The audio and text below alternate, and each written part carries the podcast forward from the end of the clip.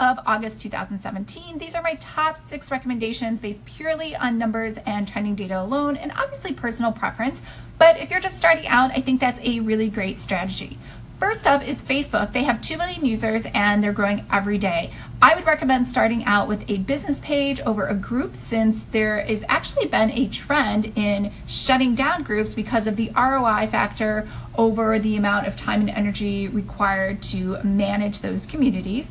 Uh, second up is Twitter. They have 328 million users. It's a great place to interact one on one for customer service, follow hashtag trends, and also allow people to participate in hashtag conversations. Third up is Pinterest, which has 150 million users, and it actually pains me to bundle it into this list because it's really a search engine and not about engagement and community, although there are group boards, that's not its primary purpose. Now, if women are your target demographic, particularly mom related activities like cooking, cleaning, budgeting, shopping, kid stuff, uh, it's great for that. It's also good if you're a beauty or fitness blogger, you sell clothing, you're into photography.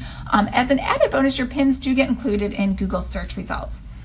Number four is YouTube, and it's the same thing as Pinterest, and that you should think of it more as a search engine rather than a community builder. It has over a billion users, and that's growing every day. It's perfect if you're a coach or you have tutorials that you'd like to share and drive traffic to your site, and obviously anything related to entertainment.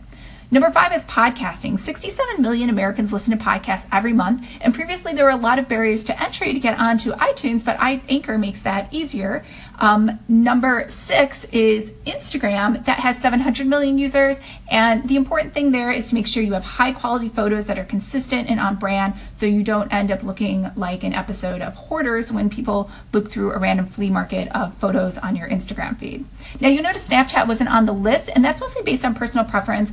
Snapchat does have 150 million users, and if that's something you like and you love the whole face distortion and decorations, um, you should do that. They did recently change their 10 second shelf life to a minute last month, and stories could last 24 hours, although I don't think anyone will like a 24 hour story.